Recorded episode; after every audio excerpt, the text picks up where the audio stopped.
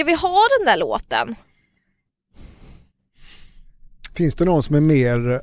För intervjuer? Ja, jag, jag tänkte det. Den där är mer work liksom men... Eh, jag kan nästan googla på det va. Jag har ingen sån du rätt... får inte sitta så här nu så håller på och skakar. Jag, jag, Var är din stressboll? Var inte med den? Den ligger där ute. men jag har druckit en halv Nocco nu. En halv Celsius. Vad då? Låt om intervjuer? Det tror jag inte finns. Jo men det är klart det gör. Det är bara att googla. Most famous songs, song about interviews. Så får vi upp tusen träffar. Vad heter du? Jag vill veta vem du är. Jag vill veta allt om dig. Vill du veta allt om mig?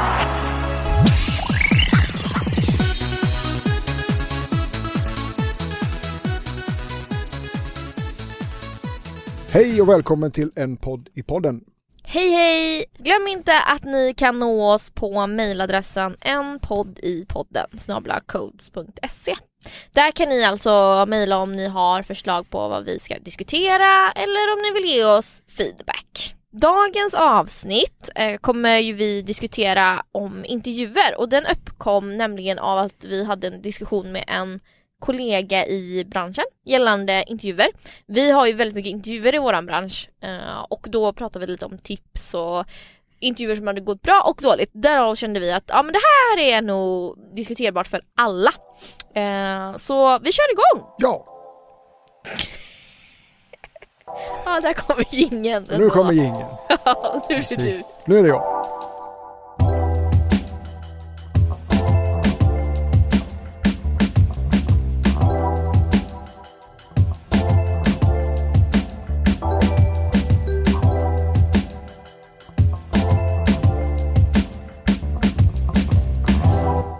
Eh, ja, för konsultbranschen då är intervjuandet, alltså själva intervjuandet en central del av kandidatprocessen när man ska tillsätta nya roller. Och det är väl det som vi har sagt i tidigare avsnitt som skiljer konsultbranschen från, eh, om man nu ska jämföra med, inte konsultbranschen, kanske produktbolag. Du kan jobba tio år på ett eh, ställe och så ofta har man ju en anställningsintervju när man börjar och sen kanske man byter jobb internt alla bonheur men man kanske inte har liksom formella intervjuer. Men jobbar man på ett konsultbolag ett antal år så tar uppdragen slut och när uppdragen tar slut då är det dags för nya uppdrag och då är det dags att genomföra en intervju för att kvalificera sig då för det nya uppdraget. Ibland eh, tillsammans med kodtest, ibland inte. Och intervjuerna är ju alltid viktiga att sätta men extra viktigt är det ju på en eh, tjorvlig marknad som vi ändå har nu. Det blir fler kandidater på varje offererad roll och eh, därav behöver man vara ännu mer beredd. Mm. Och egentligen vad är en intervju om vi igen ska börja där? Ja, vad, vad, vad skulle du säga? Jag eh, snabbgooglade det bara för att eh, liksom så och då såg ju det att det är ett primärt syfte är att det är en samtalsform men att det är en utfrågning av en person. Det skulle jag säga, men jag skulle också vilja säga, okej, det beror ju på lite om hur marknaden är, men jag säger alltid takes two to tango. Det är ju Mm. två personer, alltså den, den som du säger, det går ju åt ena hållet, då är det liksom kunden som ska utvärdera kandidaten. Men likväl så ska ju kandidaten utvärdera kunden. Exakt och det är ju det vi försöker ge som en kanske en styrka till våra medarbetare om man ska tänka så. Så har jag försökt tänka också när jag har gått på intervjuer. Att man tänker att man har eh, lika mycket liksom. Att de ska ju också förklara sig och jag skulle vilja ha dem lika mycket. Exakt och jag tror nog också om man tittar, klart igen då, det beror ju på hur, vilken konjunktur och vilken profil det är på medarbetare. Men är det en normal konjunktur och du har en senior medarbetare så är det ju liksom att eh, kunden vill ju sälja in sig till kandidaten och det är ju inte bara som det kanske var mer var förr att det är någon som sitter och lutar sig tillbaka och, och bara ställer frågor och är glad och förväntar sig att eh, den här kandidaten vill jobba här. Jag behöver inte anstränga mig någonting. Så det har man väl sett liksom, över tid där att eh, de får skärpa till sig många kunder Mm. och liksom sälja in. Det går inte bara att smälla upp en dator och fyra av fyrkantiga frågor liksom. Men exakt och eh, man brukar ju se att många byter jobb efter sommaren. Eh, och i konsultbranschen där vi rör oss i så kanske man går på intervjuer då oftare som du nämnde. Eh, och vi är ju i en lågkonjunktur med inflation och då blir ju intervjun kanske ännu viktigare också för att det inte finns lika många jobb, lika många uppdrag, eh, färre intervjuer, vilket gör att det, blir, det är mer tillgängliga personer, alltså kandidater och då blir intervjun ännu viktigare. Så har du då ett urval som du kommer till och sen när du väl får chansen att gå på intervjun så behöver ju den sitta. Du får liksom inte en andra chans. Nej. Det är, inte, det är typ inte okej att göra en good enough intervju. Nej, för då är det, för då är precis som du säger, det kanske är 60 CVn inskickade på en roll. De väljer ut fyra till en intervju och en får uppdraget. Mm, Hade det varit en mer normal konjunktur då kanske 10 CVn hade blivit inskickade. exakt. Och det är klart, då, då säger sig själv att då är chansen Och att det fanns flera av samma Ja, jobb liksom. ja. Så det var ju bara fullt ös innan. Knappt att det kanske var liksom en, du kunde, det var ju typ så här, ja men eh, man tog ett telefonsamtal, Ja. du, du låter reko, kommer du in så signar vi. Ja, ja men exakt, det sitter någon i bilen och in, intervjuar hem och så hör man eh, liksom musik i bakgrunden och eh, liksom bakgrundsbrus. Ja men det låter bra, nu kör vi. Ja, Till att nu blir det en mer noggrann screening för att man har, det finns fler att välja mellan. Av någon anledning blir man mer noggrann då när det kanske borde vara tvärtom. mm. Alltså innan, om man har färre att välja med, man kanske behöver vara mer Ja. noggrann. ja faktiskt. ja men verkligen.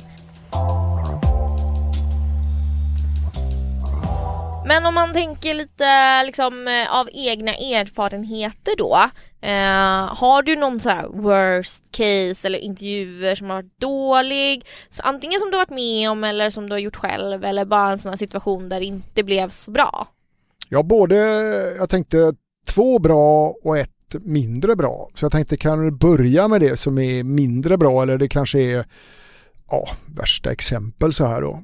Och då hade jag bokat in en kund och en intervju hos en kund med en underkonsult. Och det, så fungerar det i vår bransch ibland att eh, man har inte en egen anställd men det finns någon i nätverket som har lämplig kompetens. Och då hade kunden sett den profilen och tyckte att han vill, hen vill gärna träffa, eller det var en han i det här fallet. Så vi skulle träffas 20 minuter utanför kundens reception för att snacka ihop oss lite och sådär. Eh, klockan gick, tick-tack, tick-tack, den blev kvart i, den blev tio i, den blev fem i, jag ringde, inget svar. Och sen när klockan blev hel då var det ju dags att anmäla sig i receptionen för nu liksom, eh, eller någon minut innan för eh, nu väntar ju kunden där inne. Okej, blev invisad och till någon soffa. Tre personer kom och satte sig och tittade på mig och undrade vad är, vad är din eh, kandidat?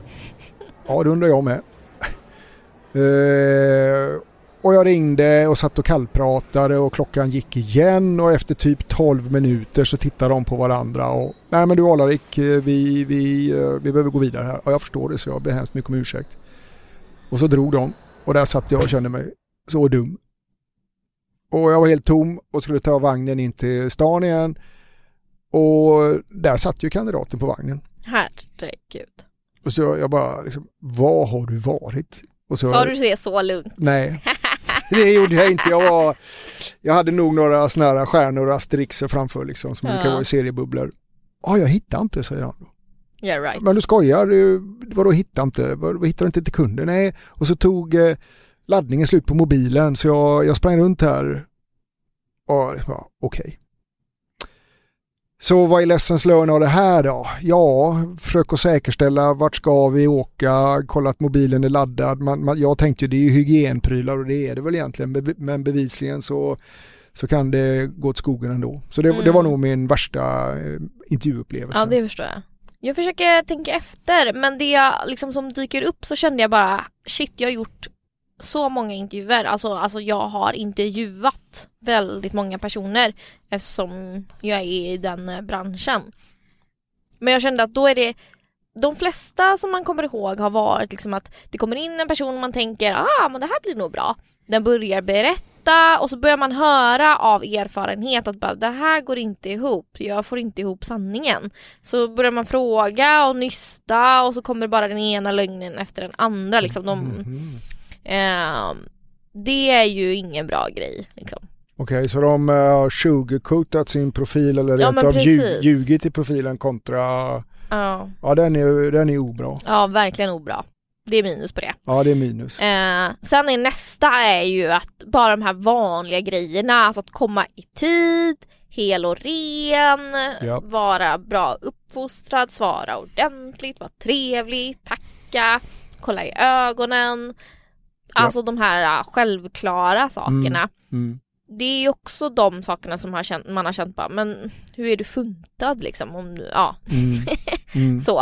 Eh, som kan vara så självklart men blir en avgörande faktor också. Ja, har du flera, tio stycken kanske på en gång och det är några som, så är det ju. Mm. Sen kan det ju vara så här eh, ihop med att eh, man får en person som eh, eh, inte har stängt gylfen, luktar svett och eh, har dålig energi. Det blir också inget bra liksom. Nej, det, det gäller att ha hygiengrejerna på plats. Så är det. Även om man har en dålig dag. Mm. Så är det ju. Mm. Sen är det ju skönare när man har kanske något mer fast att rekrytera till för då kan man ju bortse från de här sakerna för att kompetensen är så pass viktig. Ja. Så det vill jag ändå lyfta fram. Men eh, det, jag skulle säga att det är mer sådana saker som man kommer ihåg. Jag har nog ingen så här worst Nej. case utan mer de här generella som alltid uppstår verkar ändå liksom Mm, mm, okej. eh, så.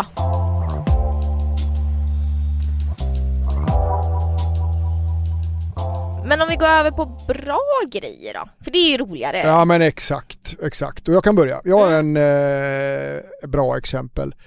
Jag hade bokat igen då intervju med en kille som jag inte hade träffat. Jag bara haft telefonintervju och kollat CV och allting. Det verkar jättebra och vi hade en kundintervju. Och han kom långväga ifrån för han var på väg att flytta till Göteborg i det här fallet. Och eh, om vi nu pratar, han var helt energilös när han kom. Mhm. Så han satt och hängde liksom, man, man såg på ögonen, herregud, vad, jag, jag betonade att fråga, du vi ska till kund där om typ en timme, vad, vad, vad är det med dig? Känner, har, du, har du feber eller någonting? Nej, jag hade han haft småbarn, svart, hållit igång hela natten, han hade inte ätit någon frukost och kastat sig i bilen och åkt långt. Så han, han var låg på bensin i kroppen helt enkelt. Ja. Jaha, oj då. Så vi åkte till en hamburgerrestaurang, tryckte i honom eh, lite snabba kolhydrater och så såg man riktigt hur eh, liksom, energin ökar i ögonen. Mm. Så han spottade igång igen. Vi drog iväg till kunden och han satte intervjun och fick uppdraget att bli anställd. Så det var en Kul. kul sån här solskenshistoria. Ja. Ja, verkligen. Har du några bra exempel? Ja men jag har eh, två som jag eh, har tänkt på som jag vill lyfta fram. Den ena är också då när en, liksom en medarbetare ska göra en intervju hos kund, fast digitalt. Vilket det blev ju mycket med corona. Mm. Ehm, och som sagt i våran värld, det kan ju gå väldigt, väldigt snabbt. Alltså den här personen då fick väl kanske veta mm, på en dag liksom att du ska göra en kundintervju. Man ska försöka preppa den och liksom tagga den och man går igenom allting och så. Och han då var, det är en han, eh, var på semester. Men var ändå intresserad av kund och uppdrag. Eh, så på något sätt fick vi ihop den här röran. Eh, och han var ute på en ö med sina grabbkompisar och de skulle bo i tält och fiska och liksom ute i skogen. Så han skulle köra en digital intervju. Så han satt där på en stubbe, svettig, bland myggen, tog en kundintervju, satte den och det var liksom, det var inga konstigheter. Ja, det är ju grymt bra. Och du antar att kunden var informerad om eh, förutsättningarna här då kanske? Mm. Ja. Men ändå att det är så här, det är inte det perfekta läget, det är inte den perfekta tajmingen. Men någonstans är det ju ändå så här, du är vad du är. Alltså man får ju ändå, det är så här, det är ju så liksom, Mm. man, eh, det här är jag. Ja, och ändå kunna fokusera på det inklusive ens kompetenser. Mm. Det Ja. tycker jag är så jäkla snyggt alltså. Ja, det är grymt. Och vara trygg i det och det var dålig uppkoppling och allting. Så Ja. ja, det, det är ett jättebra exempel. Faktiskt. Och sen, eh, liksom, det kan ju vara Ja men det här med förutsättningar, för det tror jag att du är så himla nervös i det här skedet, speciellt kanske om du inte har gått på så många intervjuer. Nej, exakt. Ja, och där har jag ett exempel, också ett bra exempel om man nu pratar oförutsedda. Och det var också under corona. Och det var ju mycket digitala intervjuer och det, har, det är det ju nu med, även om det är fler intervjuer in real life så att säga. Men det var en, eh, en medarbetare som blev kallad på digital intervju och hade väl någon Ja, det blev någon dataglitch helt enkelt. Så han, det var också en han i det här fallet, sitter och tittar in i en svart skärm i 45 minuter. Åh, Och på andra sidan är det två personer. mm, De ser honom och han eh, kan ju kommunicera sig, jag ser ingenting men, och de förstod också det då men eh, Då ska han eh, sitta och svara på frågor, berätta om sig själv, sälja in sig själv och berätta varför han vill ha uppdraget. Och det han ser är en svart skärm i 45 minuter. Mm. Men han satte det och Ja. de tyckte han var grym och han sa det var jättesvettigt och det var en så, verkligen awkward situation. Men eh, han fann sig och jag tycker det var ett jättebra exempel på vad som kan hända även om du har testat innan och alltid upp och snurrar och sen sitter du, ja vi måste köra nu liksom. Okej jag tittar en svart skärm i 45 minuter men jag satt i intervjun. Så det var grymt bra jobbat. Vad tror du att det var som gjorde att han satte den? Dels var han ju duktig i de, efter, med de kompetenser som Mm. efterfrågas i grunden. Samtidigt som han fann sig. Okej han var stressad men han eh, liksom... eh, Det är vad det är. Det är vad det är och så sa det, hallå, jag, bara så ni vet det, jag ser en svart skärm här, Mm. men vi kör nu. Mm. Och så är det vad det är liksom. Mm. Och det tror jag också för att eh, en annan eh, som jag har med mig är att den är på en kundintervju och möter teamet och men mer liksom så här, lära känna varandra. Eh, men när han väl sitter där så tar de fram en dator och så ska han lösa ett kodproblem så det blir som ett kodtest. Mhm. Så det är en ny miljö, det är liksom på en kund som man verkligen kom, vill komma in på och oförutsägbart för man har inte fått veta det tidigare. Det blir det här överraskningsmomentet igen. Då hamnar den här personen i någonting som jag tror väldigt många hamnar i under intervju, att man får en blackout. Mm. Ehm, och det är någonting som man egentligen kan men just där och då kommer det bara inte fram. Det är ny dator, nya människor under pressad situation och så. Mm. Och då löste han det så jäkla bra av att bara, lite samma sak, bara säga sanningen och bara Okej jag har fått en blackout, jag måste bara få ta en liten liten paus, jag behöver få ställa mig upp, eh, gå runt lite Såg att det fanns en whiteboardtavla, Mm. frågade liksom kan jag använda den istället? Absolut! Och så började han skriva där och då lossnade det Mm. Och då kunde han gå tillbaka och bara lösa den. Ja men det, är snyggt. För det är, du sitter, du stressar upp dig, hjärnan, en negativ tanke hakar in negativ kaostankar och så blir det brain freeze. Och det gjorde han, ja det var snyggt, bara bryta, resa sig upp och göra någonting helt annat och sen sätta sig ner och lösa det. Och det krävs ju också lite självinsikt och en lite kyla Mm. än, att, än att bara liksom. Fastna helt enkelt, vilket han gjorde men lyckades bryta. Det var snyggt. Mm. Jag tycker ju också det här med att en intervju ska vara ett samtal mera mellan två eller flera än att det är en som ska bli utfrågad. Och jag håller helt med dig och jag tror igen då, för jag vet eh, när jag har haft medarbetare som har varit på flera olika intervjuer och så, nej men jag, jag väljer nog det här uppdraget. Ja okej, hur, hur tänker du då? Äh, men de, var- de var trevligare, de sålde in det på ett bättre sätt. Det var inte bara någon som smällde upp en dator och fyra av fyrkantiga kodfrågor. Utan man kände att här blir jag en del i helheten, jag kan vara med och bidra och, och de eh, ställer bättre och är mer intresserade av mig som person och jag kan bidra till teamet och till den här organisationen. Så absolut.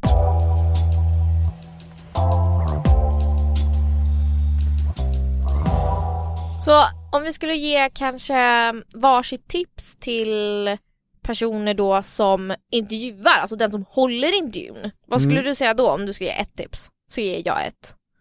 Jag skulle säga att eh, genom att ställa relevanta frågor och förstå kandidaten så visar man sig intresserad och visar att man är ett företag som är på tårna och på det sättet så att säga indirekt säljer in sig utöver att du behöver stå och köra en powerpoint-presentation. Mm. Jag eh, skulle säga att man ska vara mänsklig och vänlig som intervjuare. För jag tror att kan du liksom uttrycka med kroppsspråk att det här är en trygg miljö, det här kommer gå bra, jag kommer finnas här för dig, vi ska prata. Då tror jag att den som kommer på intervjun kommer vara mer avslappnad. Eh, så det tycker jag ändå att de som intervjuar ska ha med sig det, det är deras uppgift att försöka få ut det de vill ha och man ska hjälpas åt, liksom ett samspel Det är ett samspel för de vill ha in den bästa kandidaten eller Ja. den som är mest och den som är mest lämpad för rollen. Mm. Likväl som kandidaten sitter där och förhoppningsvis vill ha den men kandidaten kan ju lika gärna ha fler att välja mellan. Mm. Men Mm. eh, tvärtom då, om vi ger tips till kandidat, alltså den som går på intervju. Då skulle jag nog säga egentligen samma. Att, eh, vara påläst om det aktuella företaget, ställ relevanta frågor och sen brukar jag säga, säg det självklara. Tycker man att uppdraget verkar vara intressant, men säg det. Mm ja men det här tycker jag verkar spännande för då känner kunden det, ja men det här är någon som, som tycker det vi gör i allmänhet är det någon intervjuare som förklart de brinner, kan, de brinner ju för sin teknik och sitt område och så märker de någon, ja men det här är någon som sitter och verkligen känner att det här vill jag hålla på med, ja men det blir en perfect match. Än att bara, ja tack och hej och så det sista man ser bara ser ryggen på någon som går därifrån. Då. Mm. Det skulle jag säga. Och vad, vad skulle du tipsa om? Jag skulle nog säga så här, oavsett om du är konsult, oavsett bransch, oavsett roll, så tycker jag att man ska vara förberedd. Eh, läs på om liksom, dit du ska gå, det företaget. Eh, försök hitta annonsen som du skickade in din ansökan på. Eh, försök hitta personen kanske som ska intervjua dig. Och gå igenom ditt eget CV. Eh, försök ha någon form av röd tråd när du ska berätta vem du är och alla de här sakerna så att man har svar på frågorna.